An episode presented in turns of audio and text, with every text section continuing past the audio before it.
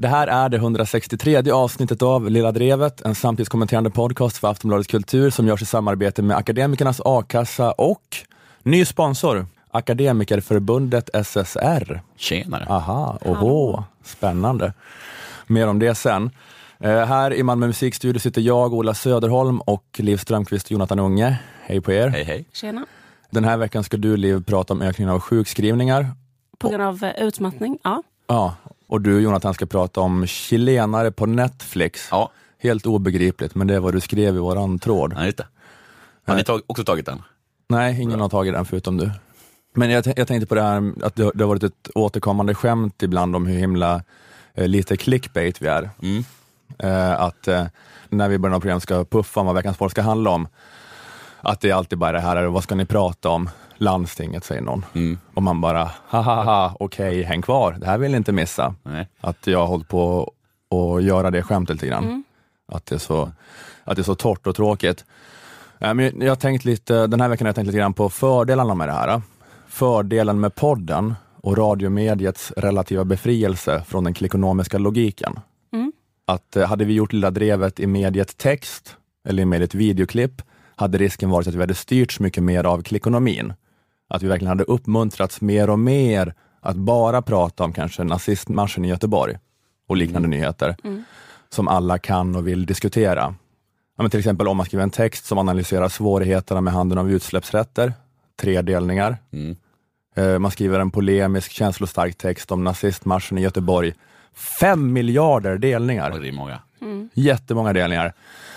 Och risken är ju då att den här responsen, där man får en så tydlig siffra, kommer styra en i en riktning mot fler nazisttexter. Jag hade definitivt skrivit mer om nazisterna om jag stod inför det valet. Ja, exakt. Det är som att du, Tre mot fem miljarder, det är tryck- no-brainer. du trycker liksom på nazistknappen så kommer det hundgodis hela tiden. Ja, det är bara helt uh, Pavlovskt. Men i Lilla Drevet kanske jag ena veckan kan göra en prata där jag driver med dem som har en övertro på handeln med utsläppsrätter. Ja, du vet hur kul det brukar vara. Och nästa vecka kanske jag driver med någon av sidorna i debatten om nazistmarschen i Göteborg. Eh, Men jag får inte den här direkta responsen då. ja, just det. Att det är möjligt att det är några fler lyssningar den veckan jag pratar om nazistmarscher. Några kanske tipsar sina kompisar som inte brukar lyssna, spola fram till 32.30 i det här avsnittet. Han pratar om det vi alla är helt uppe i varv över. Eh, Men det är ändå inte en del av den här virala logiken på samma vis. Nej. Då varje enskild artikel eller klipp direkt kan jämföras med alla andra artiklar och klipp. För att de alla har sitt unika värde uttryckt i en siffra som står bredvid dem. Eh, Delningar och visningar och sånt. Att vara en poddlyssnare är ju mer som att vara en gammeldags prenumerant på en papperstidning än att vara en modern tidningsläsare som styr ägarnas reklamintäkter mer direkt om sitt klickbeteende. Alltså är det för mycket om utsläppsrätter vecka efter vecka och för lite om nazistmarscher blir man kanske till slut så uttråkad att man säger upp prenumerationen. Men inte den här direkta responsen. Och sen så blir det lite som att man tvingas lyssna på saker som man inte hade lyssnat på annars. Alltså, man Just måste lyssna på chilenare på Netflix. Eller man kan stänga Ja. av men det är jobbigt. Man behöver Man måste, man måste scrolla fram för att komma, komma vidare till, eh, till någon nyliberalism-prata istället. Just det, när chilenare på Netflix kommer så är det så här Q får börja studsa med fingret på 15 sekunder framåt Ja, knappen. precis. Sen så kommer en riktigt god föreläsning om nyliberalism. Utav. Ja, finns det inte en 30 Ja, av sekunder mig. också? I min app är det bara 15 Ja, jag vet. Det är det jag säger. Mm, Okej, ja, det är standard kanske.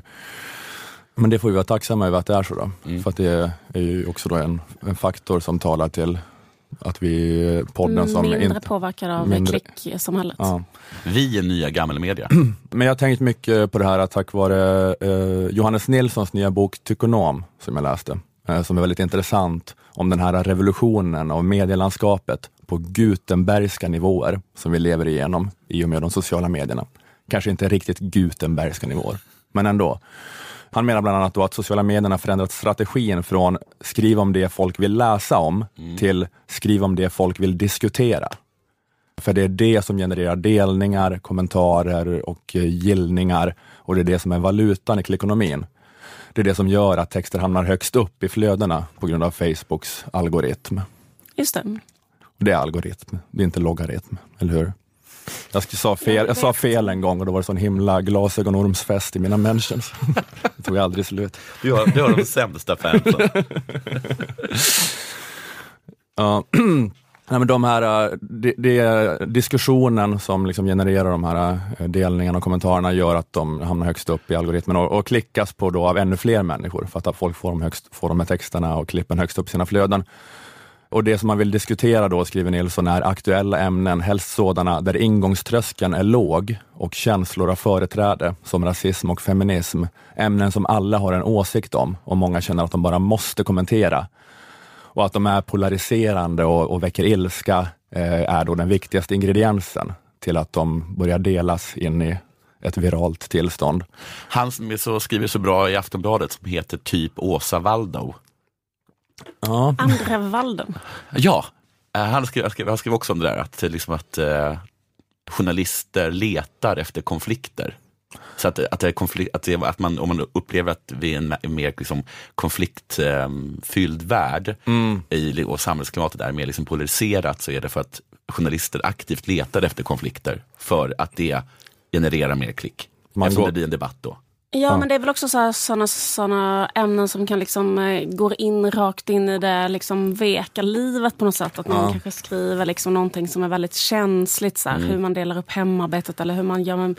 Den absolut bästa klickgrejen är ju det här vad man gör med en bebis. Eller hur? Alltså, Just det är ju helt galet. Så här, ah, till exempel skriva en sån här krönika.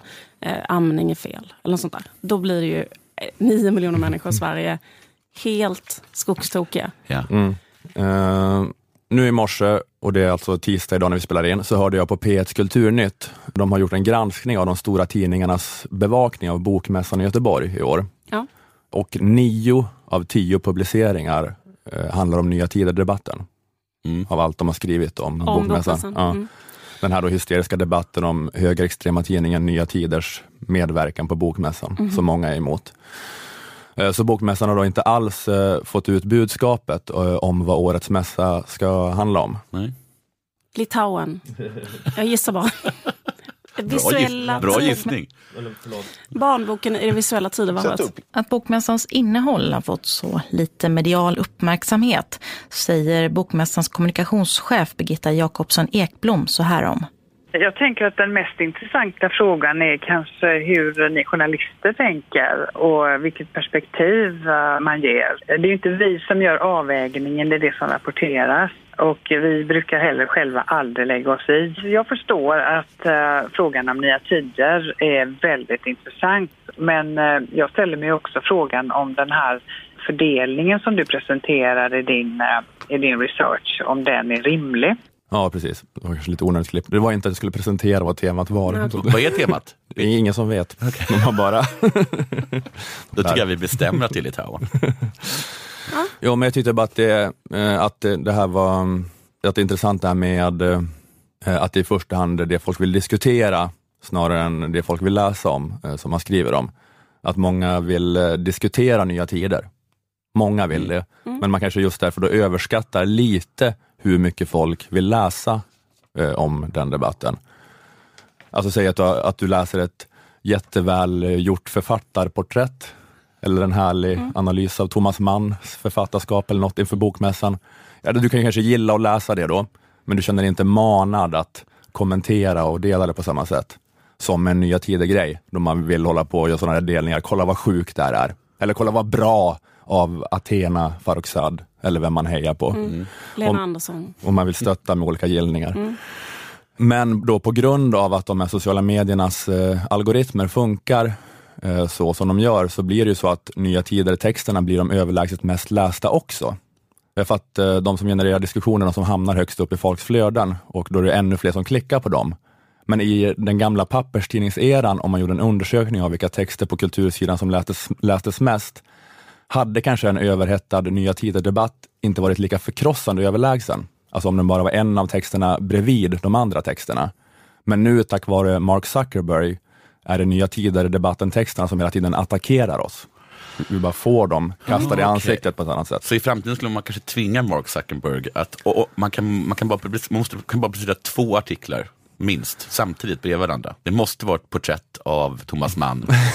Där bredvid kan, finns Fria Tider-debatten. Det går inte bara att lägga upp en länk till den artikeln.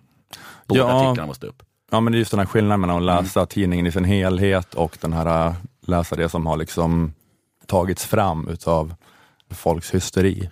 Att det är det som man får upp i sina Precis, flöden. jag tänker också så här, eh, just eh, exemplet Thomas Mann, för att man skulle också kunna bara säga något som, alltså för då låter det som att det är något lite smalt och finkulturellt versus något brett. Men man skulle också bara kunna säga så här, till exempel en, eh, ge- vad fan, något som handlar om Astrid Lindgrens författarskap, Ja. är fyller hundra eller något, jag vet inte vad.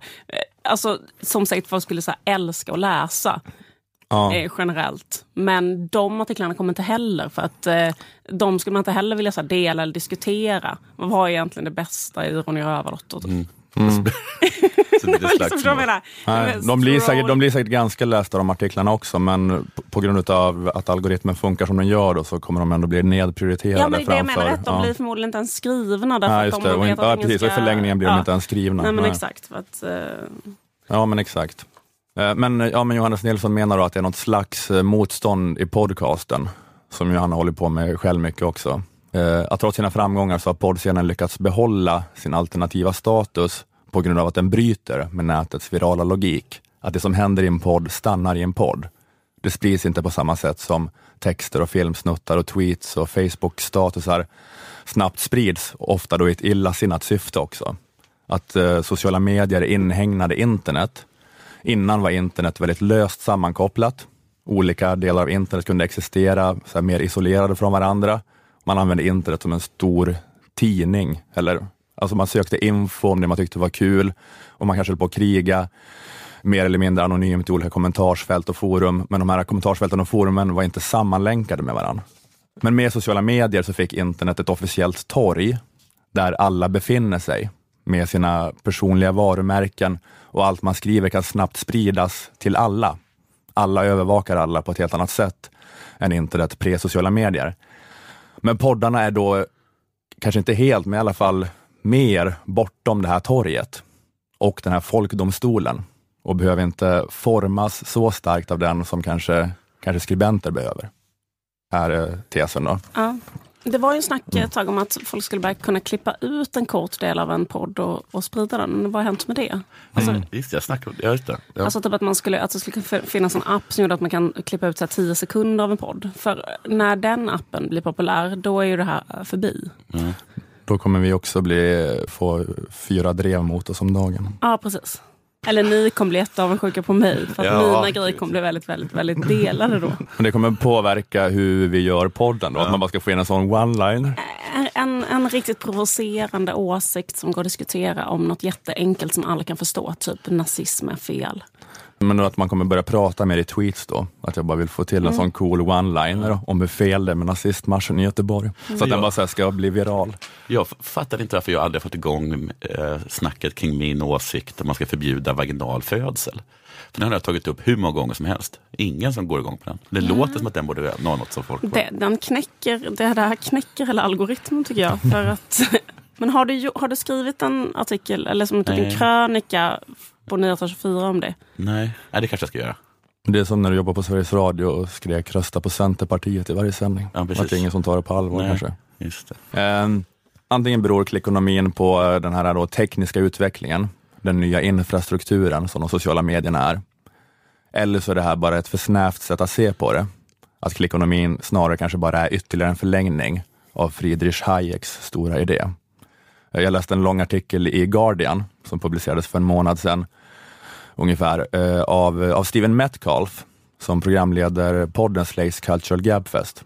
Och det var en artikel med rubriken Neoliberalism, the idea that swallowed the world. Nyliberalism, idén som svalde världen. Man han skriver då att eh, nyliberalism är idén om marknaden som den enda legitima källan till kunskap. Priset är sanningen. Att klassiska liberaler säger att marknaden är en del av samhället. Nyliberaler säger att marknaden är samhället. Och I ett sådant samhälle behöver alla bara följa sitt egen intresse och eh, genom eh, tävlan blir det då möjligt att se vem och vad som har ett värde. Alltså det finns ingen så distinktion mellan värde och pris, utan det. det. är samma sak. Och att då nyliberalism är mer en så klassisk önskelista för högern. Alltså den klassiska önskelistan är kanske sänka skatter, skära i välfärdsstaten, privatisera, avskaffa målet om full sysselsättning. Men att nyliberalism också är ett sätt att omforma den sociala verkligheten. Att säljarens attityd, kalkylerandet av profit och förlust, det ska genomsyra alla våra uttryck. sånt som vi har pratat om för några gånger. Sånt Jonathan har fått lyssna på mycket i olika poddar. Om marknadstänken, om vård och omsorg kanske. Kanske har nämnts någon gång i den här podden. Eller marknadifiering av kärlek och sexuella relationer på nätdatingsajter. Hyperrationellt bryta ner potentiella partners eh, och så vidare. och så vidare. Eh, men det är i alla fall eh, Eh, nyliberalismens omformande av den sociala verkligheten. Om något mänskligt beteende inte passar in i den ekonomiska modellen eh, så förkastar man inte modellen utan man tvingar beteendet att anpassa sig till modellen. Han är lite inne också då på det här med klickonomin, att kanske till exempel det här med att det kanske inte är ett bra mått på god journalistik och givande kulturdebatt, det här delning och klick och like-grejen. Eh, Men nu är det så vi mäter värde och då får man anpassa sig efter det. Att Metcalf menar att det här med att eh, sanningen finns i priset, det gör att vi förlorar vår förmåga att individuellt argumentera för och rättfärdiga våra handlingar. Och därmed blir så offentligheten inte en arena för övervägande och resonerande, utan en marknadsplats i klick, likes och retweets. Alltså det behövs inget annat rättfärdigande än att det här var vad folket ville ha eller vad som fick så hög statistik. Det finns ingen sanning bortom priset. Och han ser då Trump som någon slags så här groteskt symptom på det här. Att ledaren för världen är den här av nyliberalismen skapade människan som bara svarar inför marknaden. Han accepterar inte legitimiteten hos någon annan domare än marknaden. Jag menar att han bemöter ju ofta folk som kritiserar honom så att han, han behöver inte bemöta dem i sak. Han kan bara säga att de är losers mm. Eh, enligt den klickonomiska logiken. Att de är failed, att de har låga tittarsiffror, låga opinionssiffror och så mm. vidare. Mm. Då Arnold Schwarzenegger sa något om honom och då sa han, hur mycket sämre tittarsiffror mm. The Apprentice fick när han tog över. Ja, men att argumentet att han har stor publik, de andra kandidaterna mindre publik, det är liksom det, det, det är det enda han svarar inför. Det finns inga andra dygder som spelar någon roll. Är det rätt eller fel? Det är rätt om du får höga tittarsiffror, många delningar, många röster och så vidare. Ja, men bara, oavsett vad det är vi som poddare gör motstånd mot, om det bara är Mark Zuckerbergs algoritm eller hela den nyliberala världsordningen, så säger vi varsågod. Det var min punchline. Varsågod.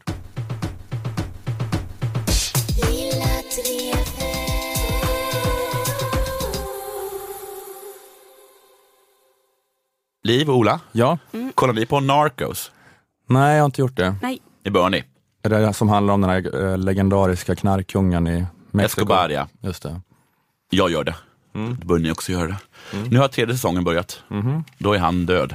Ah. får man följa kampen mot den nya kartellen, Cali-kartellen. Mm. Också jättebra. Jättebra han. Och när jag precis hade börjat kolla så lade jag märke till att en av de nya huvudrollsinnehavarna eh, lade märke till honom direkt. Det är mannen som spelar säkerhetschefen för Cali-kartellen. Han verkade bekant. Så lät han bekant. Mm. Ansiktet påminde mig om någon och hans tal var också väldigt bekant. Som sagt. Så kom jag på det. Ansiktet, det är ju Mattias med ett T Varella. Eller Varela. Ah. Ja. Det är den svenska skådisen som är med i typ vad är det? Han är med, för, han är med i TV-såpan, TV4-såpan Nya Tider och framförallt filmerna Snabba Cash Just 1 och 2. Mm. Mm. Jaha, vad kul. Ja, och talet, det, mm. det kom jag också på. Mm. Det är ju svenska. Ah. Det är vårt modersmål. Mm. Ärans och hjältarnas språk. Ja, glad jag blev. Han är riktigt bra tycker jag, i den här, i den här serien. Men så är det ju det där med talet. Eh, låt oss lyssna nu på den här konversationen han medverkar i.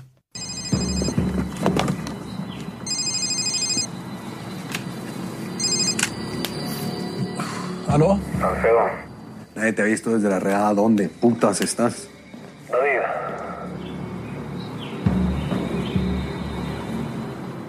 La verdad es que he tenido problemas maritales últimamente y... Pero estoy muy pendiente de mi radio. Det lät väl bra, tänker ni, men ni kan inte spanska. Liv kan det. Hon kan inte så bra spanska. Jag har haft äktenskapsproblem, sa han. Sa det? Ja. Jaha, bra du kan. För en spansktalande sydamerikan tror jag att den här konversationen lät ungefär så här.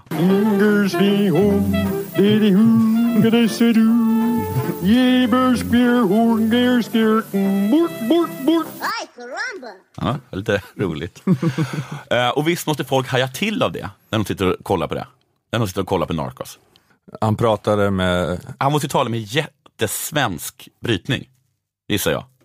Kanske bra, men de, man kommer ju höra, man, jag tycker att jag hör att han är svensk Ja. när han talar spanska. Och det finns ingenting i karaktärens bakgrundshistoria som Det är en ursäkt inget, för det. inget säger så här att han har precis kommit tillbaka efter liksom Ett Erasmusår Nej. i Uppsala universitet. Nej. och förstört sin, sitt modersmål. Nej. För Mattias är så himla svensk. Och det lyser liksom igenom hela tiden. Vad, vad är hans roll? Är han en, en eh, vad heter det, knarklangare? Han sköter säkerheten och spionaget för knarklangarna. Men han mördar aldrig någon. Utan han, han, han, han gör ett, så, ett, vanligt legitimt jobb fast åt skurkar. Speciellt hör man att han, att han är svensk när han inte talar spanska. Vi ska höra här när han talar engelska. Told you he'd be here. You came through. I also said to take him outside. It's too risky in here. Tell your men to wait till he's leaving. What men are you talking about? Your men that's standing by the DJ booth. Alltså det är leaving, wait, both. Alltså det är bra engelska, men det är klassisk svensk brytning. Man hör ju att det här är en svensk. Eh, och de sydamerikaner är det ju uppenbarligen inte. Alltså, varför bryter han inte på spanska när han talar engelska? Ja, ja, det, ja, det verkar lite... Mm. Vi lyssnar på ett till klipp. Still didn't catch your name. Jorge. Sa han Jörgen? Det lät så. Visst lät det som att han sa Jörgen? Konstigt namn på en Kalle Kartellens säkerhetschef. Och jag gillar det här. Han ser hela tiden ut som att han letar efter var han lagt snusdosan. Är han i ett kök verkar han alltid vara på väg att göra sina tunnbrödsrullar med kaviar.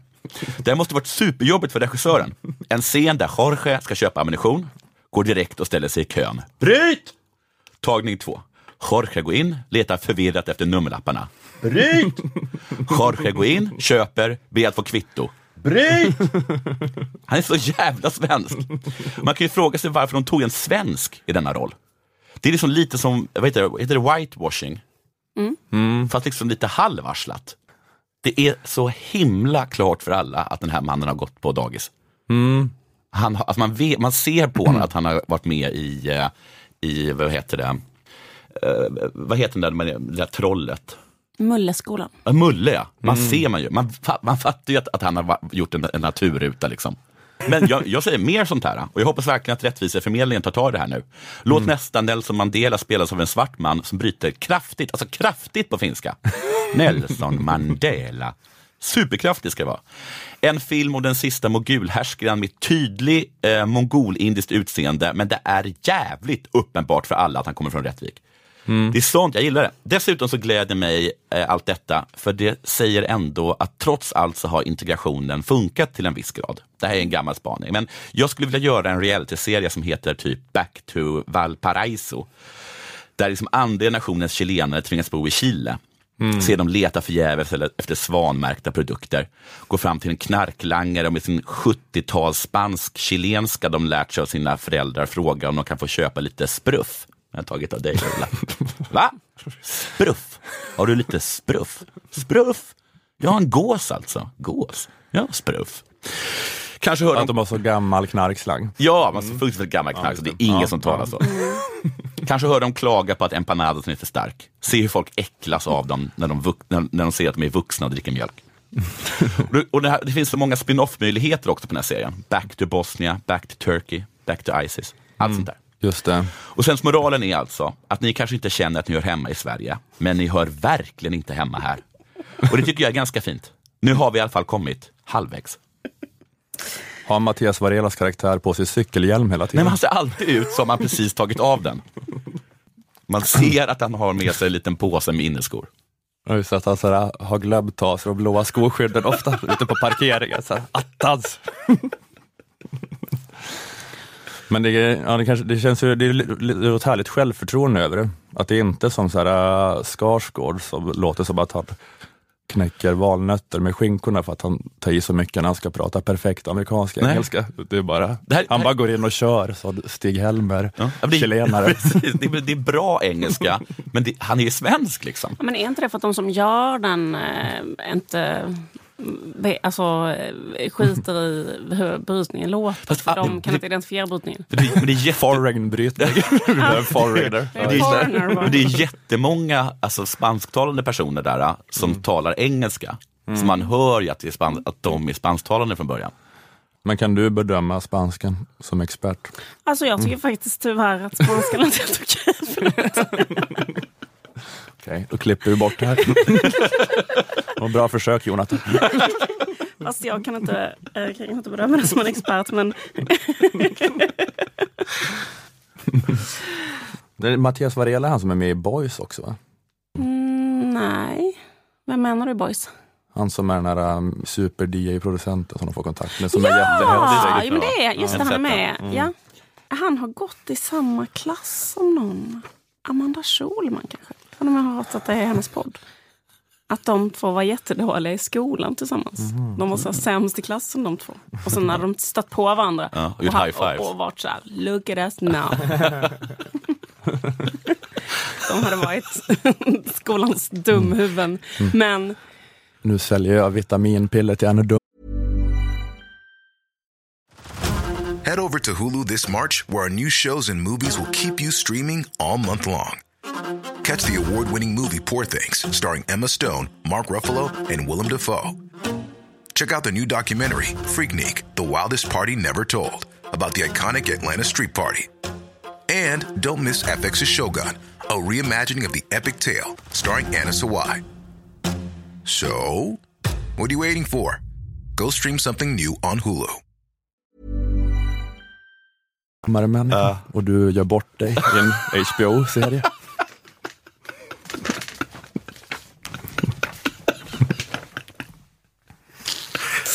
Han är jättebra. nu? Det är Ja, ja, skitkul, jättebra. det är skitkul att han har fått roll som svensk.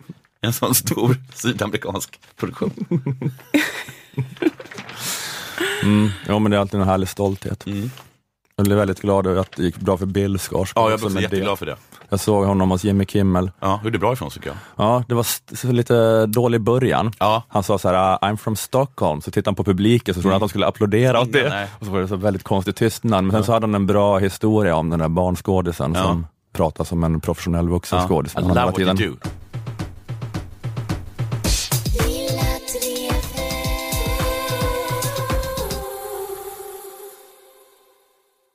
Okej, ny sponsor. Eh, den här veckan sponsras Lilla Drevet av Akademikernas A-kassa och Akademikerförbundet SSR.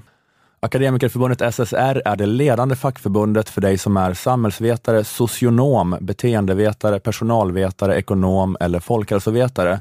Och SSR, vad står det för? Det står för Sveriges socionomers riksförbund. Det var namnet från början när förbundet bildades eh, 1958 men då, och då var det huvudsakligen socionomer som organiserades. Men det har sedan dess breddat sin rekrytering och bytte 1993 namn till Akademikerförbundet SSR. Sa du socionom så eftertryckligt bara för att du vet att eh, det är jättemånga socionomer som lyssnar på den här podden? Ja, men jag tycker det är väldigt mycket, jag tycker det är väldigt mycket samklang för oss att sponsras av ett socionomförbund. Mm. Alltså dels då för att soc-tanterna är samhällets ryggrad, Mm. men sen är det ju så här i Malmö, alltså om vi är en del av någon sån slags Möllankultur, så är det ju så att det bara finns två yrkeskategorier på Möllan och det är kulturarbetare och socionomer. Sossehandels kallas väl socionomutbildningen. Men jag känner i alla fall ingen i Malmö som varken är kulturarbetare eller socionom. Nej. Eh, Så det är ju samklang. Även om vi då också vill understryka att eh, socionom idag bara är en del i SSR-familjen. Det är då det ledande förbundet för samhällsvetare i allmänhet. Som medlem i Akademikerförbundet SSR får du personlig rådgivning i frågor om anställning, arbetsrätt och löner från experterna på SSR direkt. Du får också tillgång till Sveriges bästa lönestatistik för akademiker, sak och lönesök, samt att eh, de företräder dig juridiskt om din arbetsgivare skulle bryta mot lagar och avtal.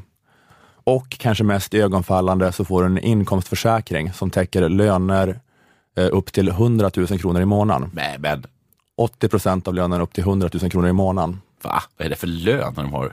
Det är verkligen vänsterhandels. Ja, just det, det kanske är en ovanlig socialsekreterarlön just. Men, eh, men an, Det an, finns säkert någon på socialkontor som har det. 100 000. precis, det tycker jag är en, en bra eh, inkomstförsäkring. Ja, det är det verkligen. Jag säger det rakt ut, jag tycker det är en bra inkomstförsäkring. Men då kan du, Du kan få upp till 80 000 kronor alltså i inkomstförsäkring vid arbetslöshet. Och det här gäller även om du säger upp dig själv. Eh, Går du med får du också en värdecheck på 1000 kronor som du kan använda till personförsäkringar hos eh, Akademikerförbundet SSRs bolag Akademikerförsäkring. Så du kan förutom att försäkra ditt arbete också försäkra ditt hem och ditt liv och sådana grejer. Eh, Du kan gå med i Akademikerförbundet SSR redan som student och då kostar det 100 kronor för hela studietiden. De två första åren efter examen kostar det endast 135 kronor per månad att vara med. Så passa alltså på att gå med som ny på arbetsmarknaden. Den ordinarie medlemsavgiften för er andra är 260 kronor i månaden. Så det är inte så himla farligt det heller. Läs mer och bli medlem på akademssr.se. Och kombinera självklart fackmedlemskapet med medlemskap i Akademikernas a-kassa. Det är för dig som har eller är på väg att ta 180 högskolepoäng eller 120 poäng med det gamla systemet. Akademikernas kostar endast 100 kronor i månaden och ger dig en ersättning på upp till 20 000 i månaden om du skulle befinna dig mellan jobb. Akademikerna är för er som har eller söker anställning, men också för egenföretagare. Om du till exempel har en egen firma och blir av med din största uppdragsgivare så att det blir omöjligt för dig att gå runt, då kan du lägga företaget vilande och istället få ut a-kassa. På akademikernas.se kan du läsa om hur du gör för att gå med i a-kassan. Tar du steget att gå med i Akademikernas a-kassa eller Akademikerförbundet SSR tack vare den här podden får du gärna meddela Akademikernas och SSR om det. Du kan också skriva om det i sociala medier under hashtag Lilla Drevet. Tack Akademikernas a-kassa och tack Akademikerförbundet SSR.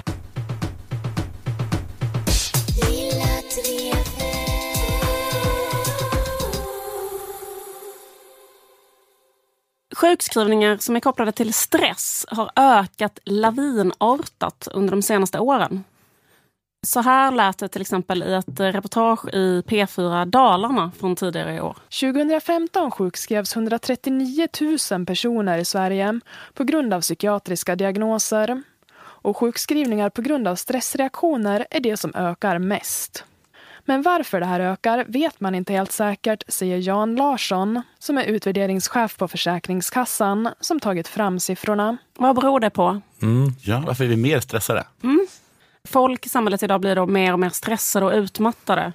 Men varför? Det finns en massa olika teorier som man ofta hör, eller hur? Man hör det här att det är omvandlingar kanske på arbetsmarknaden, osäkra anställningar, att kvinnor dubbelarbetar. Är vi på internet för mycket? Eller något sånt, sociala medier. Men någonstans undrar man ändå, tycker jag, alltså på det stora hela, alltså vad kan det vara med vårt samhälle nu som får oss att, liksom så att totalt bryta samman av stress, alltså bli sjuka av stress. Om man jämför med samhället eh, bakåt i tiden. Vid en första anblick så borde det ju vara så, eller hur? Att det var stressigare för typ hundra år sedan.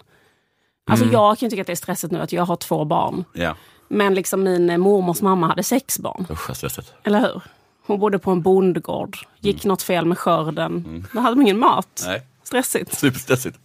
Penicillinet var inte uppfunnet. Barnet får en infektion. Ja, just med det. Stress. Stressigt att hela tiden tänka. Man kan själv tycka det är jobbigt, sjukdomar på dagis. Men jobbigt om det inte finns penicillin. Barnet kan dö om det liksom har ett sår som blir infekterat. Stressigt är det att man i snitt, alla var i snitt tvungna att begrava två av sina barn ungefär. Och stressigt. Stressigt. Hinna med det. Ja. Världskrig pågick i Europa. Usch, Stressigt. superstressigt. Ska tyskarna komma? Mm. Men alltså, det kan ju också vara så att de här människorna var stressade. Ja. Men att det liksom inte, ingen brydde sig. Men alltså själva ut, utmattningssyndromet eh, finns ju inte beskrivet någonstans vad jag förstår det som. Alltså det finns inte som i någon källa så här, eh, innan 90-talet. Alltså det finns inte beskrivet som, Nej. som symptom på det sättet i alla fall. Utan det myntades 1991 av en eh, psykolog. Att liksom att vårt samhälle nu för tiden är liksom på många sätt enkelt, tryggt, bekvämt. Ändå liksom bryter folk ihop då av stress i väldigt hög utsträckning. Till och med vår egen eh, folkhälsominister har ju alltså varit tvungen att sluta på grund av Ja, att han har det. Och eh, var femte kvinna som är sjukskriven för, för eh, psykiatrisk diagnos. Alltså det är en vanlig, alltså av människor som är sjukskrivna av psykiatriska anledningar är stress den, den vanligaste anledningen. Varför är det så då nu för tiden? Jag läste en bok av, den, eh, av en sydkoreansk filosof som heter Byung-Chul Han. Eh, men han skriver om människan och samhället, senkapitalismen och så. Och då menar han så här, att det som är utmärkande för vårt eh, senkapitalistiska samhälle idag är att vi lever i ett eh, prestationssamhälle. Och att det här då är en förändring från tidigare, när vi levde i vad han kallar för disciplinsamhälle. Och i disciplinsamhället, alltså förr i tiden då, randomly förr i tiden kallar jag det. Mm. Eh, så var det, det viktigaste verbet var eh, verbet böra. Alltså jag bör, typ så här, jag bör be till Gud eh, varje dag, för Ja. det har en präst sagt till mig. Jag bör arbeta 14 timmar om dagen på fabriken, för det har liksom fabriksägaren sagt. Jag bör gifta mig, skaffa barn, eh, aldrig skilja mig, för det vill liksom min släkt, min kultur, min religion, min tradition och så vidare. Så att hela samhället går ut på att en auktoritet, till exempel en religiös auktoritet eller ett familjeöverhuvud eller en släkttradition eller en arbetsgivare eller en godsägare typ, säger till dig vad du ska göra.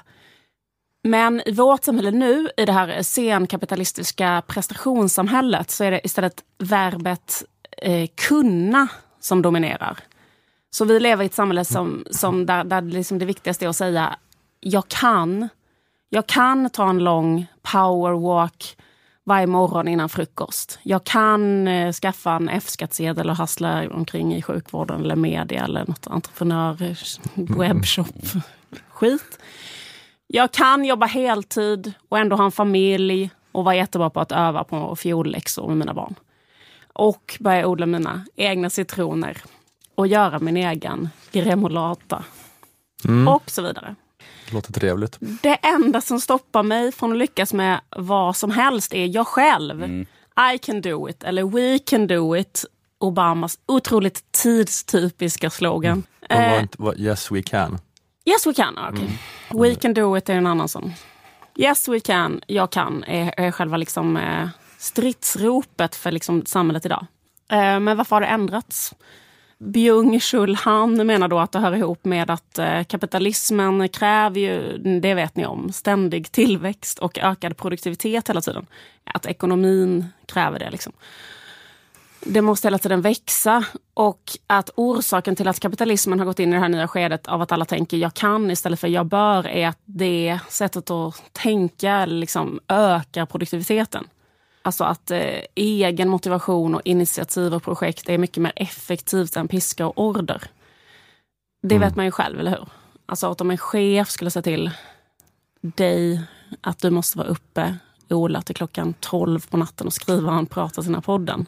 Skulle du Somna direkt. somna direkt och försöka maska eller göra det dåligt för att det liksom inte, eller försöka komma undan. Nu sitter du själv upp till klockan fyra kanske på natten. Och, Hoppas jag använder ordet algoritm rätt. Men, men, men det är lite som med um, Slavoj Zizek, Eh, om vi ska återkomma till honom, hade väl någon grej om det där med, uh, just det, med skillnaden i, eh, i att, var att en pappa för hundra år sedan sa du måste följa med och hälsa på farmor och en eh, pappa idag säger du måste vilja eh, hälsa på Mm. farmor. Men det är, det kanske också det är lite där, är det Foucaults biomakt och bla bla bla, att det är så här lydnad i, i känslor. Ja, och- exakt. Att det är liksom att man disciplinerar sig själv. Ja. Liksom. Att liksom självexploatering är mycket mer effektiv för att det går eh, liksom hand i hand med en känsla av frihet. Det, det möjliggör en exploatering utan överhöghet. Vilket är mycket mer effektivt. Alla exploaterar sig själva. Det är skuldkänslor. Ja. Man jobbar med skuld. Verkligen. Mm. Det är väldigt effektiv skuld. Det finns ju väldigt Mm. många marknader tänker jag, som finns nu som aldrig hade kunnat utvecklas i ett disciplinsamhälle. Detta talar för att det finns en marknadskraft som liksom genererar den här kulturen eller liksom grejen. Jag pratade ju om hudvård. Mm. Ja, ska precis. Ja, precis. Tänk om det hade funnits så en chef som hade sagt, eller en politiker eller någon slags myndighet, en minister som hade sagt så här, alla människor måste smörja in sitt ansikte med 15 olika serum varje kväll med små cirklande rörelser. Inte gnugga, dutta. Det kommer kosta er 5-6 tusen i månaden. Om ni inte gör det och så vidare. Då hade ju ingen gjort det. Eller alla hade försökt komma undan det. Eller så.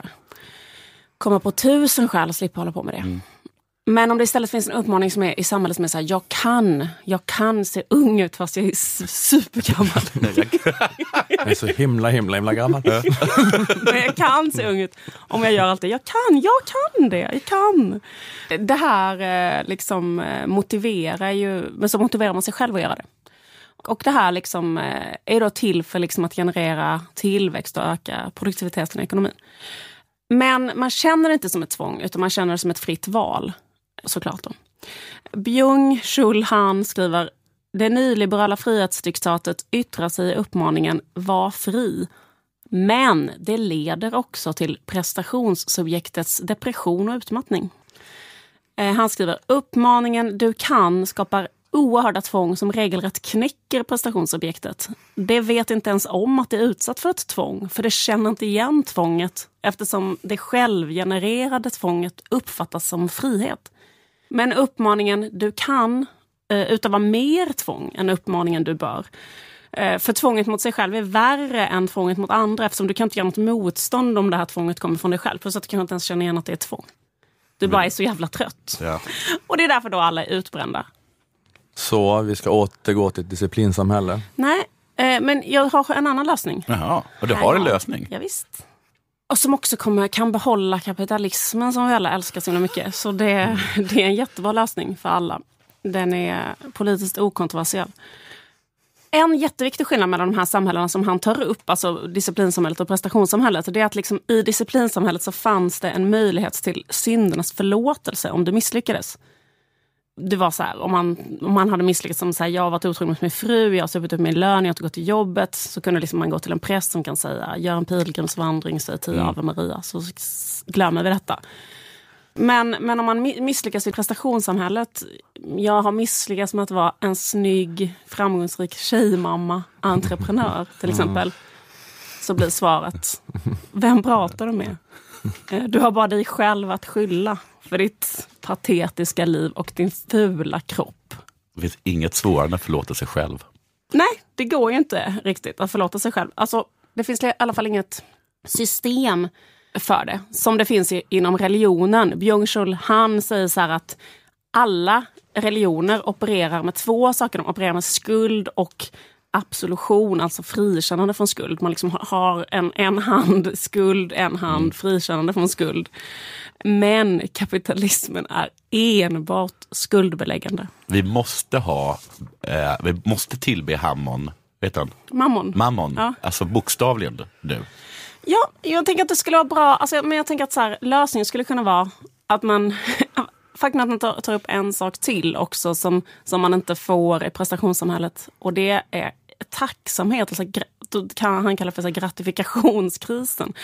Att eh, om man gör någonting som någon annan har sagt till en att göra, då kan man i alla fall få så här, "Aha, nu var ditt arbete avslutat, tack så mycket. Eller där. Ja. Men i, i prestationssamhället så kan man också ha, uppleva dels en känsla av skuld, så här, jag misslyckats för jag har inte lyckats med liksom på alla de här områdena i mitt liv. Och en annan känsla är, jag har gjort allt det här, men var är tacken för det? Varför ser ingen att jag har gjort allt det här? Nu gjorde jag allt det här idag och ingen har liksom tackat mig. Men då skulle man alltså kunna ha en stor staty av Mammon och så skulle jag kunna gå dit med ett lönespäck till exempel. Mm. Och sen så säger prästen, Mammon är mycket nöjd.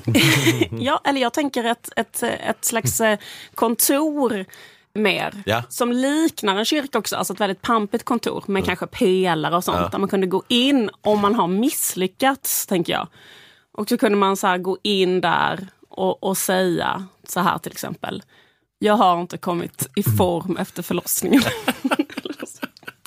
till en tjänsteman. Ja.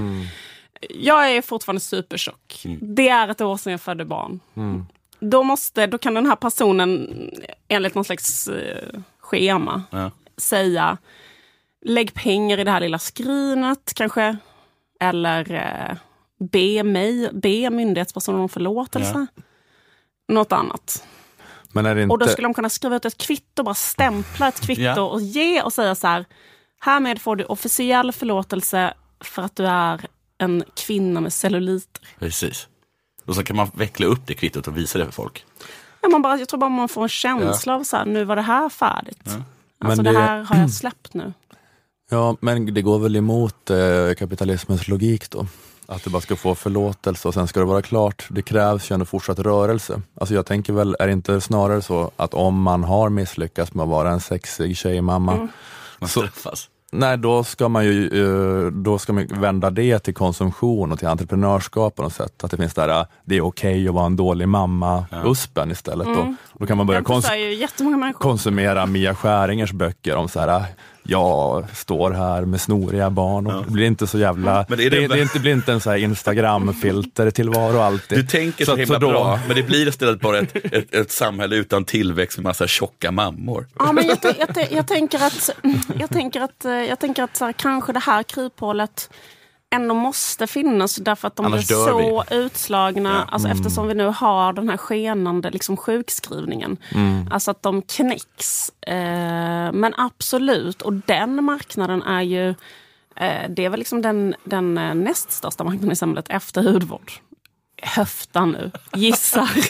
Men jag menar Mia den marknaden. Ja, men Mia Skäringer, Mia Törnblom, Ja. att gå på en sån föreläsning hur man reser sig igen. Eller Mm. att läsa en blogg av en, en operfekt mamma, kanske Ann Söderlund eller någon som skriver en blogg som är så är sponsrad av olika saker där det står att eh, jag eh, orkar inte ha tantrasex med min man utan tar hellre en snabbis. Ja. Och då läser alla det och får sån skuldlättnad. Få syndernas förlåtelse. Ja.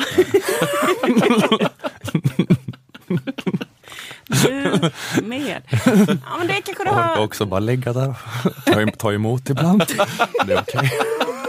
Det är okej, säger Hans Söderlund.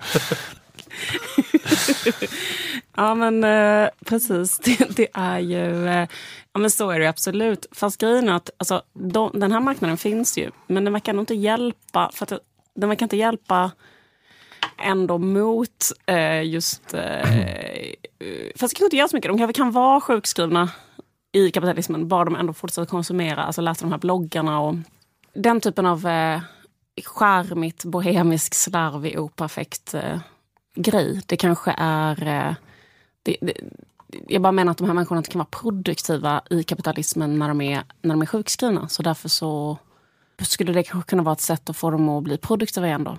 Mm. De kan vara lite stressade. Inte så stressade som de är nu. Men det är det här äh, som äh, med att kapitalismens förmåga att alltid liksom anpassa sig och att Marx underskattade den så mycket. Att den, den kan ju alltid liksom eh, anpassa sig då till nya situationer liksom, och eh, marknadifiera det nya. Absolut. Att eh, ifall det liksom behövs ändå en sån, ett sånt entreprenörskap med operfekta mammor som har celluliter så kan man göra det också, paketera det också. Ja. Är kapitalismen en ideologi?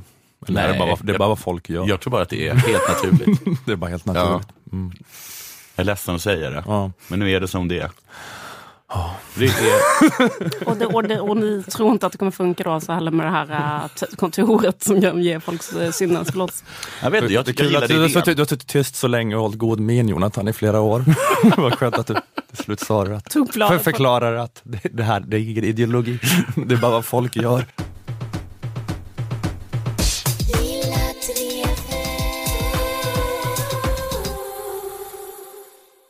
Det pågår ett folkmord i Burma.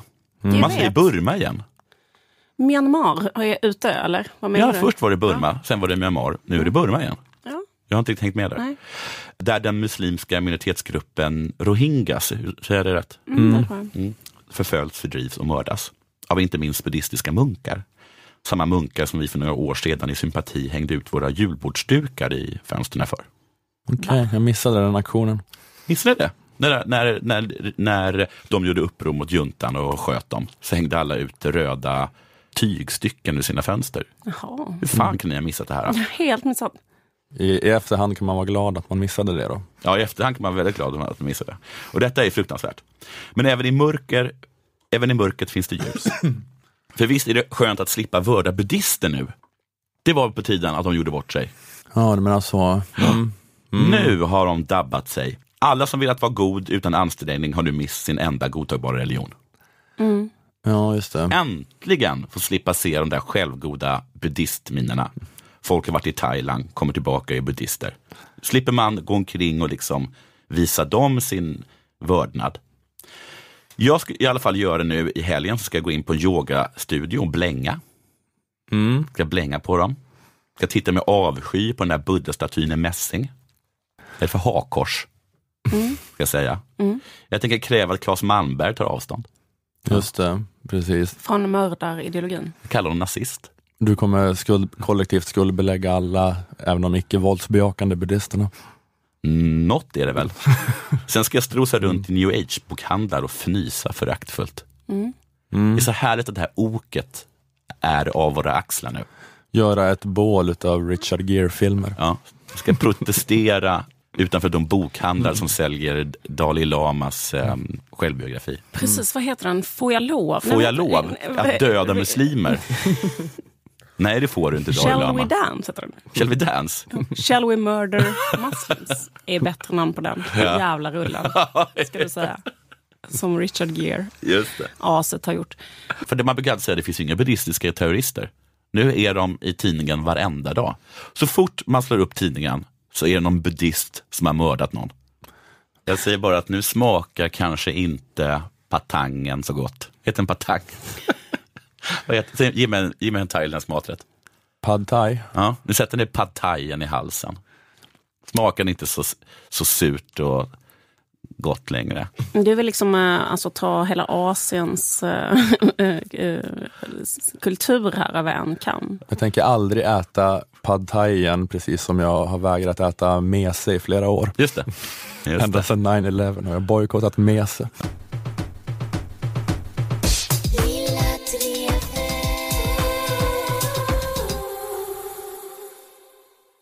Jag kan bara flagga för min turné i november, Just. Ola Söderholm-turnén.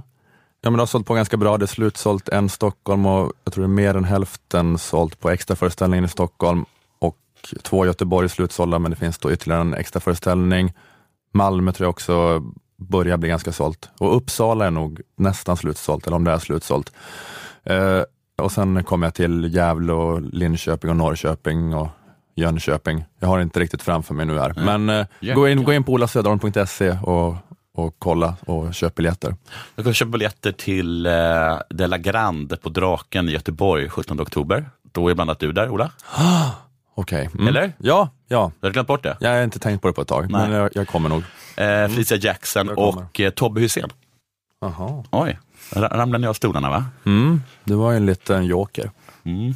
Okej, eh, då säger vi, ehm, vi säger tack till Aftonbladets Kultur, Akademikernas A-kassa, eh, tack till Akademikerförbundet SSR och tack till Malmö musikstudio där vi spelade in. Jag heter Ola Söderholm, ni heter Jonathan Unge och Liv Strömqvist. Vi hörs om en vecka, hej hej! Hej då. Så länge.